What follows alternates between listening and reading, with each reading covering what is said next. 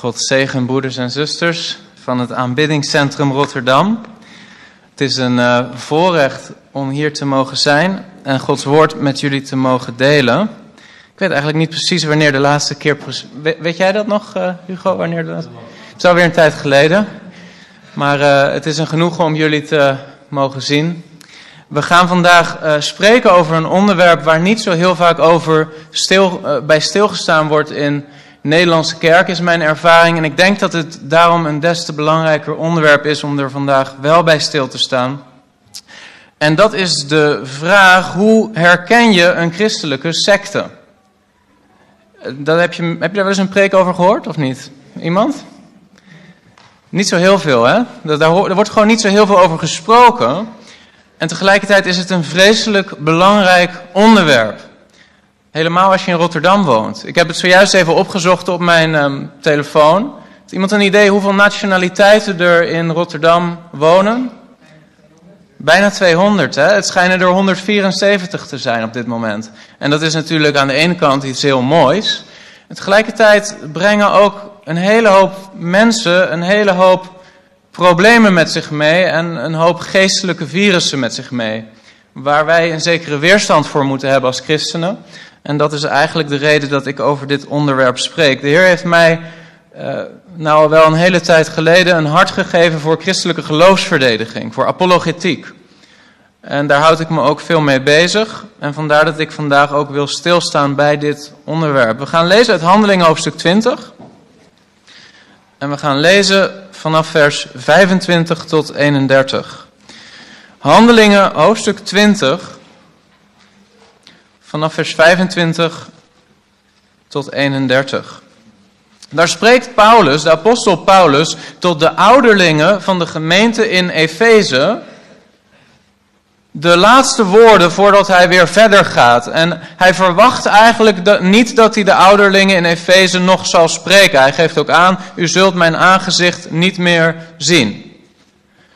En wanneer wij onze laatste woorden delen met iemand die we niet meer verwachten te zien, dan denken we vaak wel na over wat we zeggen.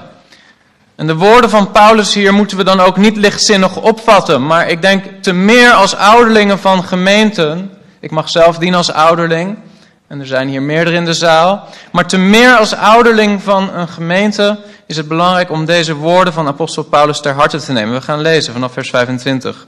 En nu, Zie, ik weet dat u alle bij wie ik rondgegaan ben en het koninkrijk van God gepredikt heb, mijn gezicht niet meer zult zien. Daarom betuig ik u op de huidige dag dat ik rein ben van het bloed van u allen, want ik heb niet nagelaten u heel het raadsbesluit van God te verkondigen. Vers 28. Zie dan toe op uzelf en op heel de kudde, te midden waarvan de Heilige Geest u tot opzieners aangesteld heeft om de gemeente van God te wijden die hij verkregen heeft door zijn eigen bloed.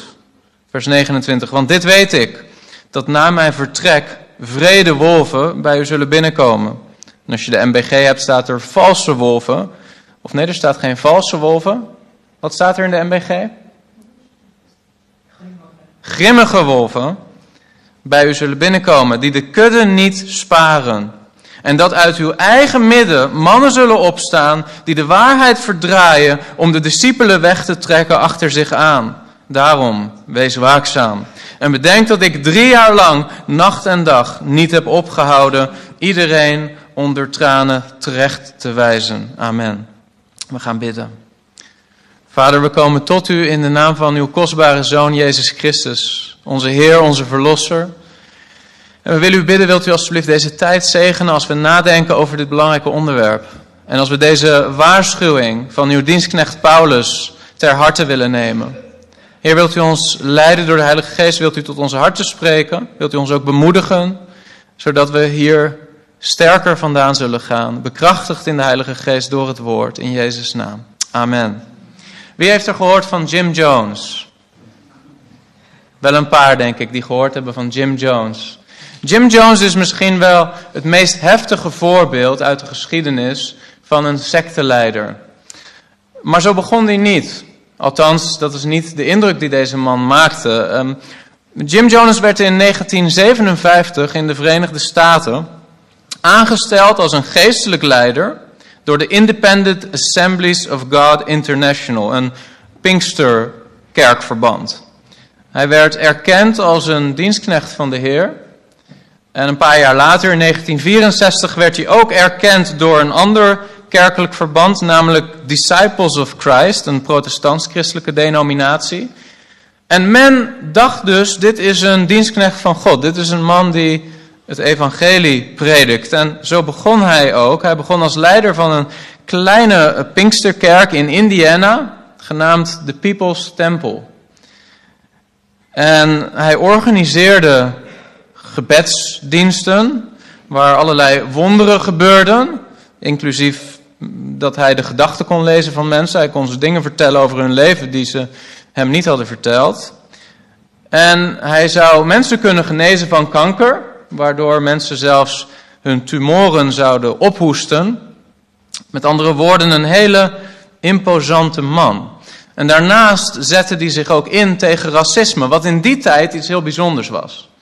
Hij was in de Verenigde Staten een van de eerste kerken, of hij was leider van een van de eerste kerken waar mensen met een donkere huidskleur en mensen met een blanke huidskleur samen naar de kerk gingen. Vandaag de dag is dat niet meer zo bijzonder, maar toen was dat iets heel bijzonders. En hij werd populair in de samenleving vanwege allerlei sociaal werk wat hij deed. Een paar jaar eh, later, zijn kerk groeide en groeide, een paar jaar later verhuisde hij met zijn gemeente naar California, eh, ook in San Francisco. En hij groeide in populariteit. Op een gegeven moment had hij duizenden volgers. Maar terwijl dit allemaal gebeurde, ontstonden er ook geruchten. Geruchten dat hij misbruik maakte van mensen. Dat er sprake was in zijn kerk van lichamelijke mishandeling, financiële mishandeling, zelfs seksueel misbruik. Waarbij deze man zich opstelde als een soort God. En omdat die geruchten rondgingen en op een gegeven moment ook een artikel gepubliceerd werd, werd het hem wat te heet onder zijn voeten. En hij besloot, ik kan hier niet langer blijven. Hij nam zijn hele kerk mee naar Zuid-Amerika. En daar had hij een stuk land gekocht met die secte, genaamd Jonestown in Guyana. Nou, moet je voorstellen dat broeder Hugo zegt, uh, jongens, we gaan naar Duitsland. Hoeveel van jullie gaan er mee met broeder Hugo? Hoeveel gaan er mee naar Duitsland met broeder Hugo? Nou, deze broeder gaat mee. Maar de meesten gaan niet mee. De meesten denken gewoon, broeder Hugo, God zegen. Maar uh, wij blijven hier in Rotterdam. Maar zo niet bij de People's Temple. Duizend volgers gingen mee met hem naar een ander continent, naar Guyana gingen samen met hem daar wonen. Inmiddels was de prediking ook wel aardig veranderd. In het begin predikte hij nog iets wat een beetje leek op een Bijbels evangelie. Tegen de tijd dat hij daar naartoe ging was het communisme, was het marxisme wat hij predikte. En toen hij daar was, toen was het probleem niet voorbij. Er kwamen ook geruchten overgewaaid vanuit Zuid-Amerika terug naar Californië, waar familieleden woonden van veel van deze secteleden. En er gingen geruchten dat deze mensen daar niet vrijwillig zaten. Dat deze mensen eigenlijk ook daar mishandeld werden. En dus besloot een congreslid, een politicus van California, een man genaamd Leo Ryan, besloot om naar Guyana te gaan en zelf te gaan inspecteren. Wat gebeurt er met deze mensen? In eerste instantie leek het allemaal uh, wel oké. Iedereen speelde mooi weer. Er was een heel rollenspel voorbereid om in elk geval de indruk te wekken dat het allemaal koek en ei was daar. Dat iedereen daar met veel uh, plezier en uh, overtuiging woonde. Maar op enig moment kreeg hij briefjes toegestoken van mensen die weg wilden. En bleek dat het helemaal niet zo vrijwillig allemaal was. Dat werd ook Jim Jones bekend. En op het moment dat hij dat hoorde, besloot hij dat het tijd was om collectief zelfmoord te plegen als secte. En dat heeft geleid tot een gebeurtenis op 18 november 1978, waarbij meer dan 900 mensen tegelijkertijd zelfmoord hebben gepleegd. Ze hebben Paul Ryan vermoord. En ze hebben allemaal een drankje opgedronken wat hij had klaargemaakt met gif daarin. Mensen die het niet wilden innemen werden doodgeschoten. Jullie kennen dit verhaal misschien wel. Dan denk je misschien, ja maar broeder Chris, dit is Amerika. In Amerika zijn alle dingen gekker dan in Nederland. Dit, dit gebeurt hier niet. En ik geef je ten dele gelijk. In, in Amerika zijn dit soort dingen vaak groter. Hè? In Amerika zijn heel veel dingen groter. De hamburgers zijn groter. Maar ook de sectes zijn groter. Maar wat je niet moet vergeten is dat deze mensen overal zijn. Deze mensen heb je ook in Nederland. Een voorbeeld is de gemeente Gods. Heb je daar wel eens van gehoord? De gemeente Gods. Een paar maanden geleden heeft een uh, mevrouw genaamd Hannelore. Ze is inmiddels al een vrouw van nou ja, middelbare leeftijd. Ergens in de dertiger of veertiger jaar. Ik weet niet precies hoe oud. Maar zij is als meisje opgegroeid in een groepering genaamd de Gemeente Gods. En de Gemeente Gods is een groep die ontstond eigenlijk in 1975 onder leiding van een meneer genaamd Sipke Vrieswijk. En Sipke Vrieswijk werd aangetrokken door een groep christenen om voorganger te worden van een kleine gemeente in Stravendeel. Dat was eigenlijk een groepje christenen, het waren er een stuk of vijftig, die, die waren onderdeel van een gemeente in Dordrecht, is niet ver hier vandaan trouwens, Dordrecht. En die wilden in Stravendeel eigenlijk een eigen gemeente starten. En dus trokken ze deze man aan, want ze wilden een voorganger. Nou, Sipke Vrieswijk raakt betrokken. En dit is een man die het volgende getuigenis had. Hij zei, voel mij van jongs af al geroepen door God. Hij kon een getuigenis delen waarin hij vertelde dat hij een radicale bekering had ervaren. En dat God hem de belofte had gegeven dat hij voorbereid zou worden op een zeer bijzondere taak. Hij profiteerde zelf dat de Heer grote plannen had met Schravendeel. En hij zei letterlijk, er gaan nieuwe tijden komen, de duisternis zal wijken, over ons dorp zal een groot licht opgaan dat heel Nederland zal bestralen. Nou, ik weet niet, ik, ik kom zelf niet uit Schavendeel, maar het is niet zo'n enorme, uh, imposante stad. Ik kan me voorstellen dat het aardig inspeelde op het minderwaardigheidsgevoel van mensen die daar woonden. Maar goed, Stravendeel was kennelijk het, het epicentrum van een opwekking die over Nederland zou komen, al dus meneer Vrieswijk. En zo begon hij met dit groepje christenen met diepe bijbelstudies. De bijbelstudies waren erg indrukwekkend. Mensen hadden nog nooit zoveel gezag gehoord in de manier waarop de Bijbel werd gepredikt. Maar de, de cultuur in die groep werd eigenlijk steeds negatiever. Um, leden moesten breken met hun kritische familieleden. Dus familieleden die hun twijfels uitspraken over meneer Vrieswijk die werden eigenlijk steeds meer gedemoniseerd, waardoor het contact verwaterde. Dat werd nogmaals, dat werd nog duidelijker toen ook op een gegeven moment kritische ouders van een sectelid tragisch door een auto-ongeluk overleden. Waarna meneer Vrieswijk aangaf dat dat een teken was van het oordeel van God op deze kritische houding van die ouders. Dat is wat voor sfeer er in die secte ontstond. Je kan je voorstellen dat er een angstcultuur kwam. Leden moesten hun zonde opbiechten aan Vrieswijk. Hij gaf zichzelf op dat moment ook al de titel de profeet. Hij is de profeet. En het gaat van kwaad tot erger. Verzet tegen hem werd verzet tegen God. Kritische leden van de secte werden uitgestoten. En het vervelende is dat kritische leden soms ook deel waren van een gezin, waarbij de man werd uitgestoten, maar de vrouw en de kinderen in de secte bleven zitten. Dus gezinnen raakten verscheurd en zo heeft hij meerdere gezinnen uit elkaar getrokken. Op enig moment verstoot Sipke Vrieswijk ook zijn eigen vrouw. En al snel deelt hij het bed met een ander sectelid, genaamd Aagje Volkers. En in de jaren die volgen maakt hij seksueel misbruik van 8 tot 10 minderjarige meisjes in deze secte. Je zou denken, op dat moment zouden mensen dit toch moeten zien. Dit zijn christenen, ze hebben toch de Bijbel, ze kunnen dit toch zien aankomen. Maar de sfeer verandert zo geleidelijk dat mensen verblind raken. En ze zien het niet.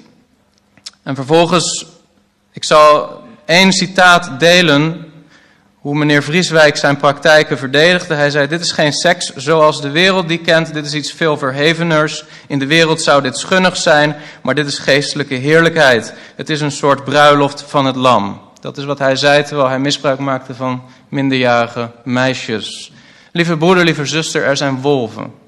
Er zijn wolven. En je moet als christen weten dat er wolven zijn. Je kunt het je niet veroorloven om naïef te zijn je opwekkingsliederen te zingen en niet te weten dat deze mensen bestaan. Er zijn wolven. En het zijn valse wolven. In 1997 werd meneer Vrieswijk opgepakt, gelukkig.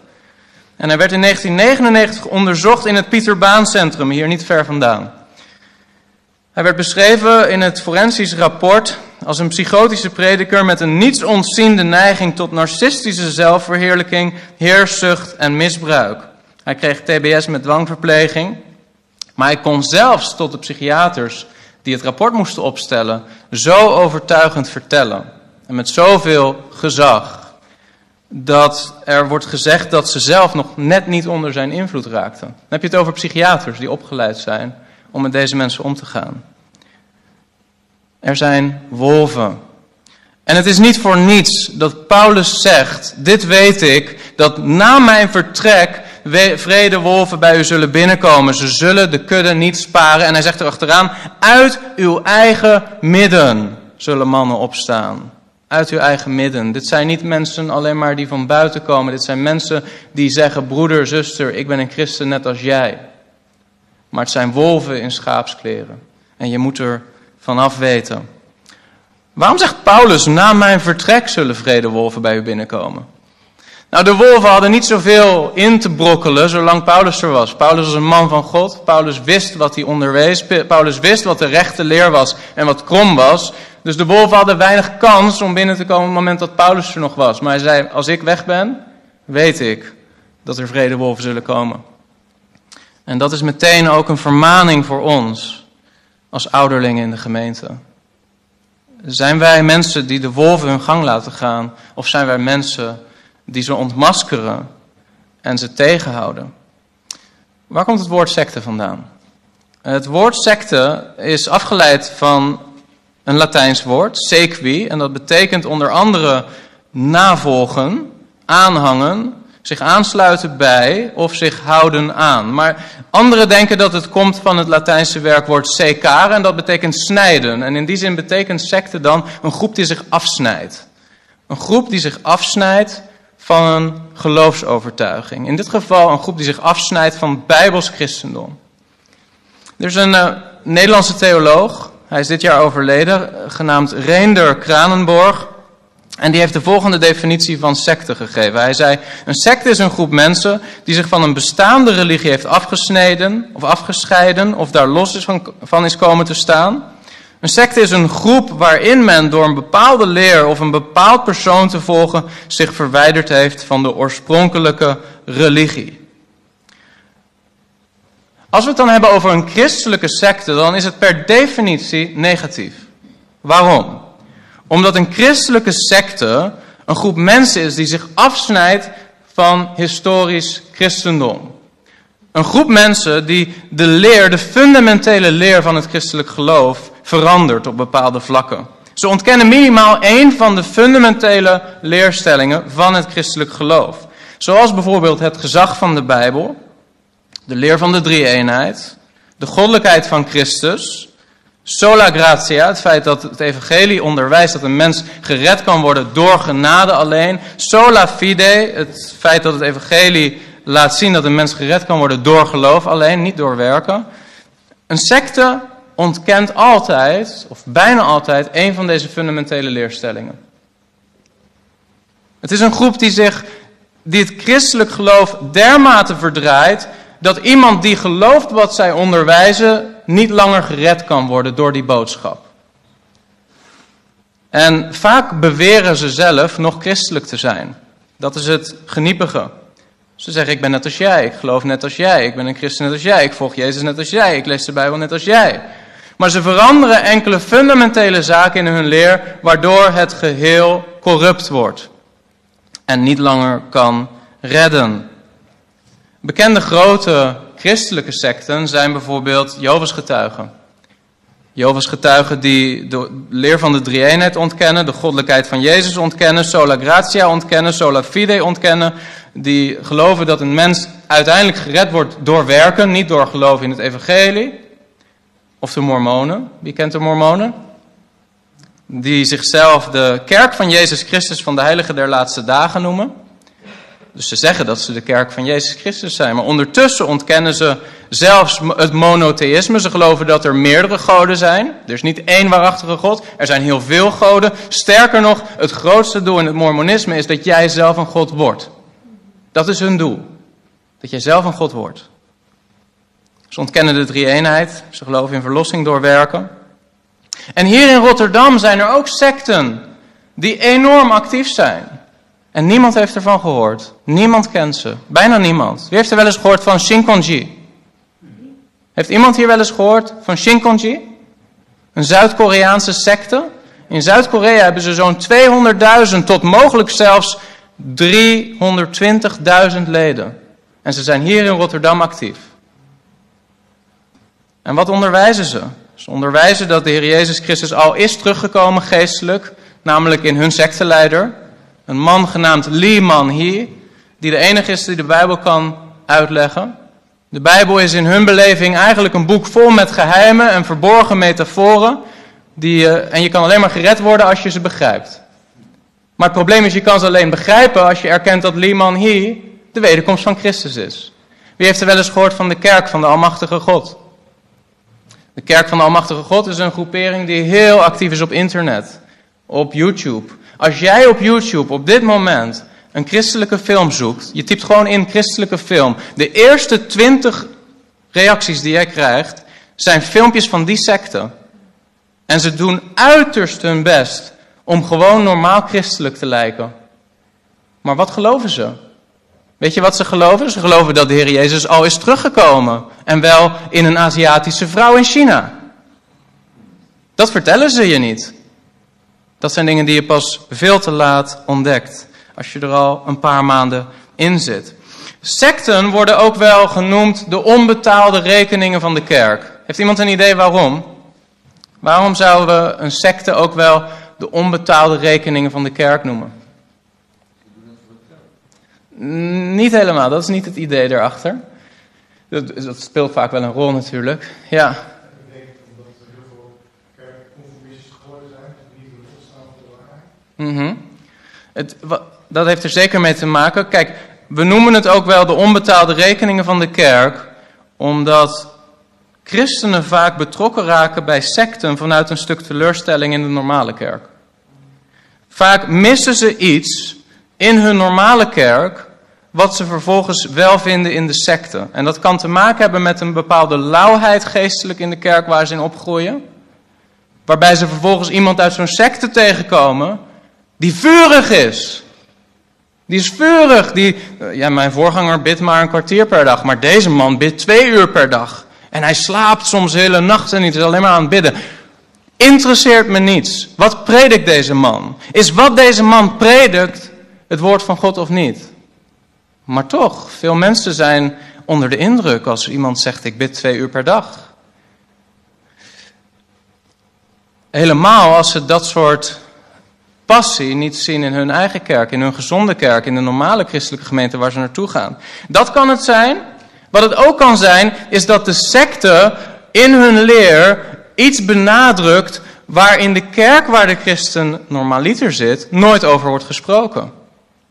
Dus ik geef maar een voorbeeld. Als er in jouw gemeente nooit wordt gesproken over hoe wij denken over de Sabbat, wat is de betekenis van de Sabbat voor de christen vandaag de dag, dan vind je wel weer een of andere secteleider die naar jou toe komt en zegt, ja maar de Sabbat op zaterdag houden, dat is het allerbelangrijkste wat er is in het christelijk geloof. Is dat zo? Nee. De Sabbat is helemaal niet het belangrijkste wat er is. De Nieuwtestamentische schrijvers hebben helemaal niet zoveel geschreven over de Sabbat. En als het zo belangrijk zou zijn, dan zou Paulus denk ik in een van zijn brieven er wel een hele hoop nadruk op hebben gelegd. Heeft hij niet gedaan. Maar je vindt iemand die zegt tegen jou, ja maar als jij de Sabbat niet op zaterdag houdt en je houdt hem op zondag, draag je het merkteken van het beest en ga je naar de hel. Oeh, wat ga je dan doen? Als je nog nooit in je kerk een verdediging hebt gehoord van deze boodschap, wat ga je dan doen? En het vervelende is, deze mensen hebben vaak heel veel uren doorgebracht in voorbereiding op dat gesprek met jou. Maar jij bent niet voorbereid op dat gesprek met hen. Dus ze pakken één ding wat niet wordt benadrukt in de kerk en maken dat tot de kern van hun leer. En vaak kunnen ze het Bijbels nog wel enigszins verdedigen, maar ze zijn dermate uit balans geraakt dat daarmee het evangelie verstoord is, corrupt is geraakt. En zo ontstaat er een mengelmoes van waarheid en leugen en is het geheel erg gevaarlijk. En mijn vraag is, waar zijn vandaag de dag de mannen van God in Nederland die niet alleen maar de Bijbel prediken, maar die ook zich verzetten tegen de wolven? Die de valse leer ontmaskeren. We zijn veel te conflictvermijdend geworden in de kerk in Nederland. Veel te conflictvermijdend. We laten het allemaal maar zijn gangetje gaan. We zijn zo beïnvloed door onze relativistische cultuur die zegt: jij hebt jouw mening, ik heb mijn mening, laten we allebei gewoon elkaar respecteren. Nee, broeder. Als het gaat om de kern van het evangelie, kunnen we geen water bij de wijn doen. Als het gaat om de kerndoctrines van het christelijk geloof, is er zoiets als waarheid en is er zoiets als leugen. Waar zijn de mannen van God die vandaag de dag opstaan en de confrontatie aangaan met narcistische wolven zoals meneer Vrieswijk? Wanneer een man als Vrieswijk opstaat en zegt: Ik ben de profeet, dat we zeggen: Nee, meneer, je bent een wolf. Je bent een wolf. Waarom heeft zo'n man zo lang zijn gang kunnen gaan? Heel vaak is het helaas omdat we als christenen het idee hebben dat liefde betekent dat je niks zegt hierover. En dat is het niet. Het is heel liefdeloos om iemand in leugen te zien leven en er niets van te zeggen. Vaak is het gedreven door egoïsme, angst en conflictvermijdendheid. Judas heeft ons gewaarschuwd in zijn brief. Judas schrijft in versen 3 en 4 van zijn brief. Geliefde, toen ik mij er met alle inzet toe zetten, als je het wil meelezen, dit is vers 3 van de Judasbrief. Geliefden, toen ik mij er met alle inzet toe zette u te schrijven over de gemeenschappelijke zaligheid, werd ik genoodzaakt u te schrijven met de aansporing om te strijden voor het geloof dat eenmaal aan de heilige overgeleverd is. Zie je, Judas wilde eigenlijk een brief schrijven over het evangelie. Misschien had hij een brief geschreven zoals Paulus aan de Romeinen. Een brief waarin hij systematisch de boodschap van het evangelie uitlegde. Dat was zijn intentie. Maar de Heilige Geest zei: Nee, Judas, ik wil dat je wat anders schrijft. Hij zegt: Ik wilde schrijven over de gemeenschappelijke zaligheid, maar ik werd genoodzaakt u te schrijven met de aansporing om te strijden. Voor wat? Voor het geloof dat eenmaal aan de Heilige overgeleverd is. Niet jouw geloof, het geloof. Het christelijk geloof. Het geloof van de apostelen. Het geloof wat de Heer Jezus Christus ons heeft nagelaten. Het evangelie. Judas zegt, je moet ervoor strijden. Want, vers 4, er zijn sommige mensen binnengeslopen die tot dit oordeel al lang tevoren opgeschreven zijn. Goddelozen die de genade van onze God veranderen in losbandigheid en die de enige heerser, God en onze Heer Jezus Christus verlogenen. Wolven, mensen die binnensluipen. Ik hoop dat je het niet toelaat. Ik hoop dat het niet gebeurt terwijl jij in de buurt bent. Ik wil kort tien alarmsignalen met jullie delen. Tien alarmsignalen die in een artikel zijn beschreven in The Guardian. Dat is helemaal geen christelijke krant. Het is een, eh, een internationaal heel bekende krant. En in 2009 heeft deze krant een artikel gepubliceerd met alarmsignalen voor secten. Hoe je ze kan herkennen.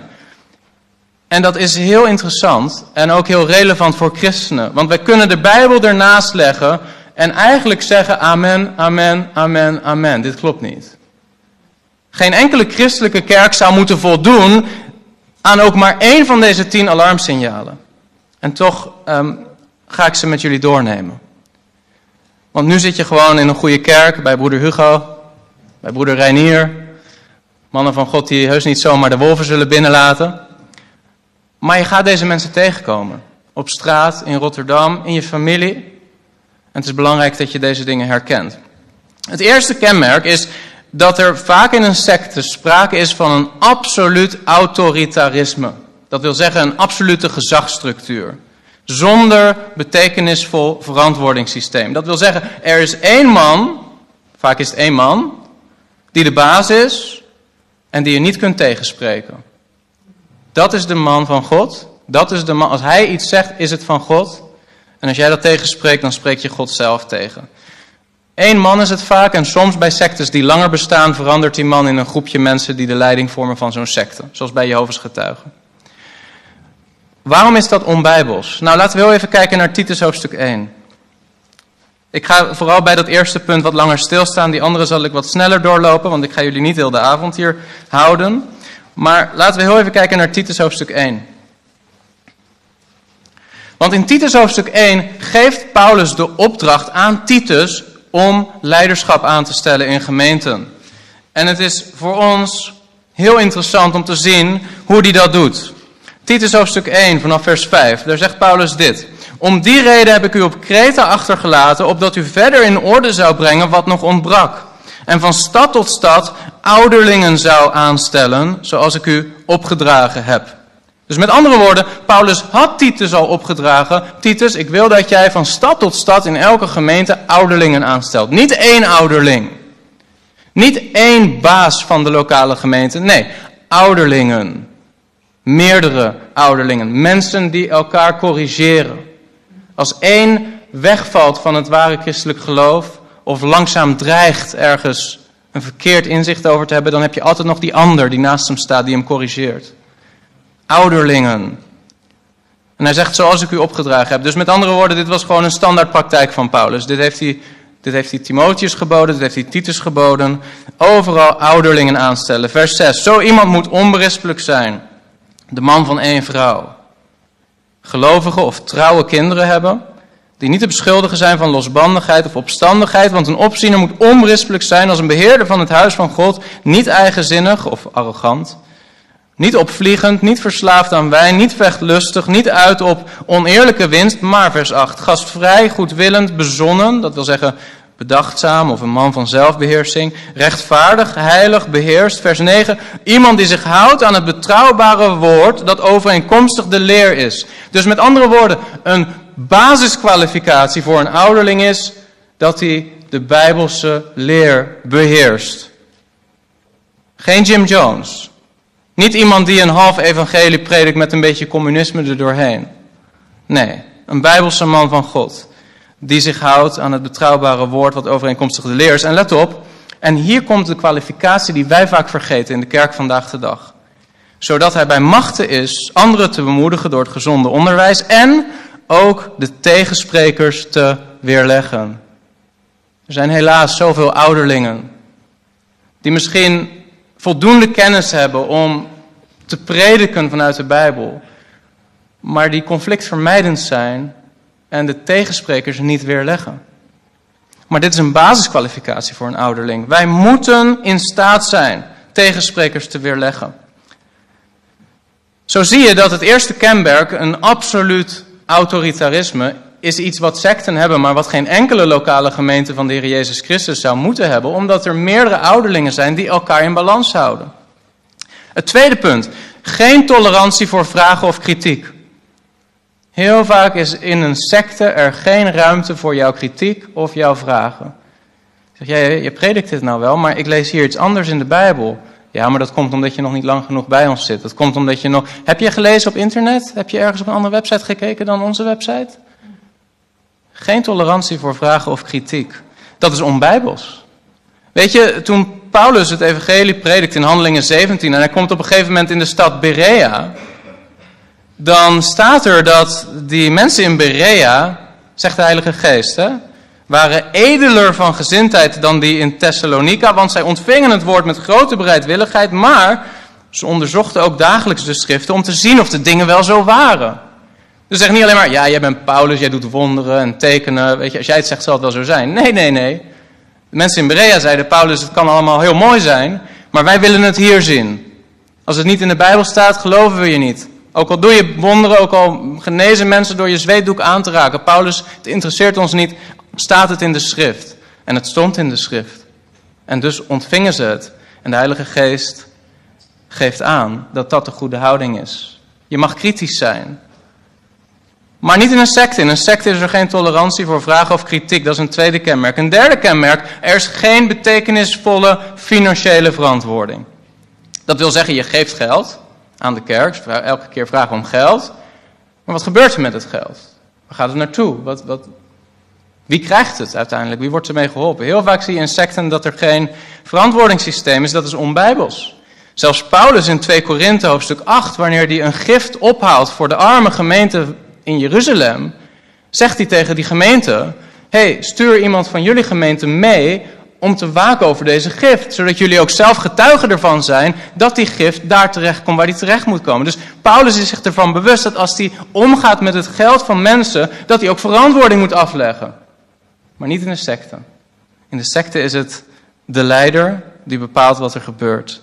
Vierde kenmerk, er is een onredelijke angst voor de buitenwereld. Heel vaak ontstaat er in secten een sfeer waarbij de secteleden bang worden gemaakt voor de buitenwereld. En de secteleider de rol krijgt om de leden te beschermen voor die buitenwereld. Dat is een van de grootste redenen waarom Jim Jones erin slaagde om zo'n duizend mensen mee te trekken de dood in. Ze waren ervan overtuigd dat als de buitenwereld hun zou pakken, dat ze gemarteld zouden worden. De hele buitenwereld was er helemaal niet mee bezig. Maar zo probeerde hij zijn secteleden bang te maken voor de wereld, zodat ze niet zelf onderzoek durfden te doen. Dat is helemaal niet bijbels. Wij zijn als christenen zout en licht in de wereld. Wij hebben een hele belangrijke taak in deze wereld. Wij moeten ons helemaal niet opsluiten in ons eigen clubje, in ons eigen gebouw. Vrieswijk had een eigen klooster aangeschaft. Mensen kwamen er, kwamen er niet meer naar buiten. Kinderen gingen nog maar net naar school. Iedereen zat opgesloten. Ja, op die manier wordt het heel makkelijk om natuurlijk geen idee meer te hebben van wat er gebeurt. En nog kritisch te kijken naar je eigen groep. Een vijfde kenmerk. Er is geen legitieme reden om de groep te verlaten. Mensen die de groep verlaten zijn verloren. Lieve broeder, lieve zuster, er is geen enkele groep in deze wereld, geen enkele kerk, geen enkele groep mensen waarbij als jij die groep verlaat, je daarmee je verlossing kwijt bent geraakt. Punt. Als jij vandaag weggaat uit deze gemeente omdat je zegt, ja, broeder Hugo predikt te kort of te lang, ik weet niet hoe lang die predikt, maar misschien zeg je, broeder Hugo predikt te, te lang. Ik ga naar een andere kerk. Ik geloof niet dat broeder Hugo daarmee zal zeggen, hij is verloren gegaan. De Satan heeft hem weggetrokken. Hij is gevallen. Hij gaat naar de hel. Maar dat gebeurt in secten. Als jij de groep verlaat, dan heb je Christus verlaten. Zie je, dat narcisme, dat is wat er speelt in secten. Het zou niet in het hoofd van broeder Hugo of een godvruchtige ouderling opkomen om te denken dat als jij hem verlaat, dat je daarmee Christus hebt verlaten. Nee, God zegen. Ik hoop dat je Christus blijft volgen. En wat voor kerk je ook naartoe gaat, mogen de Heer jou zegenen. We bidden voor je. Dat is een christelijke kerk. Dit zijn secten. Er is geen legitieme reden om de groep te verlaten. Weet je, zelfs apostelen. En dit is belangrijk om te snappen. Hè? Heel vaak zeggen secteleiders: Ja, maar ik heb het gezag van God. Ik ben de profeet. Als je mij verlaat, waar ga je dan naartoe? Wat heb je dan nog? Er is geen andere kerk die dit is, wat ik ben. Wist je dat op het moment dat Paulus, een apostel, en Barnabas, zijn medewerker, oneenigheid hebben over Johannes Marcus. Moet hij nog meereizen reizen met ons of niet? Hij had hun verlaten daarvoor. Dus Paulus zei, ik wil niet meer dat hij meegaat. Barnabas zei, ik wil wel dat hij meegaat. We moeten hem vertroosten, we moeten hem bemoedigen. Hij heeft een fout gemaakt, Paulus, weet je, laten we hem meenemen. Er ontstond oneenigheid tussen Paulus en Barnabas. En uiteindelijk besluiten Paulus en Barnabas om uit elkaar te gaan. Maar denk je echt dat Barnabas daarmee bang was dat hij zijn verlossing was kwijtgeraakt? Omdat hij de apostel Paulus was verlaten? Omdat hij oneenigheid had? Nee. En later lezen we dat Paulus in de 1 Korinthebrief verwijst naar Barnabas. En hij zegt, of hebben alleen ik en Barnabas geen recht om niet te werken? Dat, dat schrijft hij vele jaren nadat deze scheiding heeft plaatsgevonden tussen die twee. Dus Paulus erkent Barnabas gewoon nog steeds als een mededienstknecht in de Heer. Hij zegt niet, ja, ik ben de apostel, Barnabas is weggegaan bij mij, dus hij is verloren. Zie je, als, als de apostel Paulus, die het grootste deel van het Nieuwe Testament heeft geschreven, als die niet zo spreekt over mensen die besluiten een andere weg te gaan, wie ben jij, meneer Vrieswijk? Wie ben jij, Jim Jones? Wie ben jij, Lee Man-hee, meneer uit Zuid-Korea, met je secte? Zie je, we moeten niet bang zijn voor dit soort mensen. We moeten ze confronteren met hun onzinnigheid en hun leugens.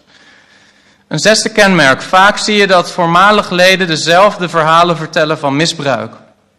En dat is een probleem, want we hebben zojuist gelezen in Titus, en dat lees je in 1 Timotheus 3, vers 7 nog duidelijker, dat een ouderling een goed getuigenis moet hebben van buitenstaanders, opdat hij niet in opspraak komt en in een strik van de duivel terechtkomt. Nou, zo niet de secteleider. De secteleider verzamelt slechte getuigenissen. Iedereen die de groep verlaat, vertelt dezelfde verhalen van misbruik. Ofwel seksueel misbruik, ofwel fysiek misbruik, ofwel emotioneel misbruik. Maar de getuigenissen stapelen zich op. En een zevende kenmerk, het zijn niet alleen de ex-leden, maar het zijn ook de seculiere mensen die als buitenstaanders kijken naar deze groepen. Er ontstaan vaak getuigenissen van boeken, nieuwsartikelen die het misbruik van de secteleider documenteren. Dat is het zevende kenmerk. Een achtste kenmerk is dat leden van de groep vaak het gevoel hebben dat ze nooit goed genoeg zijn. Ze zijn steeds bezig om hun leven meer en meer in te leven, hun autonomie steeds meer af te staan aan de secteleider in een poging om die te behagen. Om precies te lijken op de rest van de secteleden. En zodoende zijn ze slaven. Ze hebben geen vrijheid. Ze voelen zich niet vrij. Ze worden gedreven door angst. Dat is niet de manier waarop een christen in een lokale gemeente zich zou moeten voelen. Iemand die vanuit angst gemotiveerd wordt om gehoorzaam te zijn. Dat is niet wat het betekent om de Heer Jezus te volgen. Hij zegt, mijn juk is licht. En Paulus heeft geschreven in Galaten 5 vers 1, sta dan vast in de vrijheid waarmee Christus ons vrijgemaakt heeft en laat u niet weer met een juk van slavernij belasten. Een kenmerk van secten is dat mensen onder een juk van slavernij leven. Een negende kenmerk, de groep of de leider heeft altijd gelijk. Dus 1 Thessalonicense 5 vers 21, daar staat beproef alle dingen en behoud het goede. In een secte gebeurt het niet meer. In een secte is alles wat de leider zegt het goede. En tot slot, het tiende kenmerk. De groep of de leider is het exclusieve middel om de waarheid te kennen of gered te worden. Geen enkel ander proces is acceptabel of mogelijk. En zodoende zet de secteleider zichzelf op de plaats waar alleen de Heer Jezus Christus recht op heeft. Want de Heer Jezus Christus heeft gezegd in Johannes 14, vers 6: Ik ben de weg. Ik ben de waarheid. Ik ben het leven. Niemand komt tot de Vader dan door mij. En de Heer Jezus kon dat zeggen omdat hij de zoon van God zelf was. Maar wanneer een secteleider zichzelf op die manier beschrijft, of zichzelf op die manier positioneert, dan weet je, dit is niet van God. Dit is niet van God. Ik hoop dat je hier wat aan zult hebben, want je gaat deze mensen nogmaals tegenkomen. Er zijn wolven. En weet je, je kunt als christen soms je minder waardig voelen. Je kunt als christen het gevoel hebben, ik moet nederig zijn. Ik mag niet opstaan. Ik, ik moet niks zeggen hiervan. Maar lieve broeder, lieve zuster, in dit geval is het zonde als je dat zou doen. Niet alleen zonde als in jammer, nee, zonde. De Bijbel geeft jou de opdracht om leugens te confronteren met de waarheid van Gods woord. Ik hoop dat we in Nederland meer christenen zullen hebben die dit doen. Laten we samen bidden. Vader, we willen u danken voor uw woord. We willen u danken voor deze waarschuwing die u ons hebt gegeven. Heer, we willen u danken dat u ons het evangelie van uw zoon hebt geopenbaard. Heer, en tegelijkertijd weten we dat er wolven zullen staan. Heer, dat er wolven zullen komen die proberen binnen te sluipen. Die proberen schapen weg te stelen bij u. Heer, wil u danken dat u alle dingen in uw hand hebt. Wil u danken dat u een goede herder bent. Wil u danken dat u ons beschermt, Heer. Maar u gebruikt ook deze boodschappen als waarschuwingen om uw schapen te beschermen voor wolven. Heer, en ik wil u bidden, wilt u mijn broeders en zusters van het aanbiddingscentrum Rotterdam, wilt u hen een geest van onderscheid geven, ook als ze te midden van zo'n stad staan, waar zoveel dwaalleer rondwaart. Heer, help hen om niet bang te zijn, maar help hen om te staan voor het waarachtig evangelie van Jezus Christus, het enige evangelie wat redt. Heer, wilt u ons helpen om als christenen een helder evangelie te prediken voor ons land? Heer, juist als we gehoord hebben dat er zoveel afdwaling is, als er zoveel mensen in Nederland uw woord niet meer kennen en het zijn gaan zoeken in andere dingen, dingen die niet vullen, dingen die de dorst niet lessen. Heer, wil ik u bidden dat er broeders en zusters zullen opstaan die het evangelie prediken.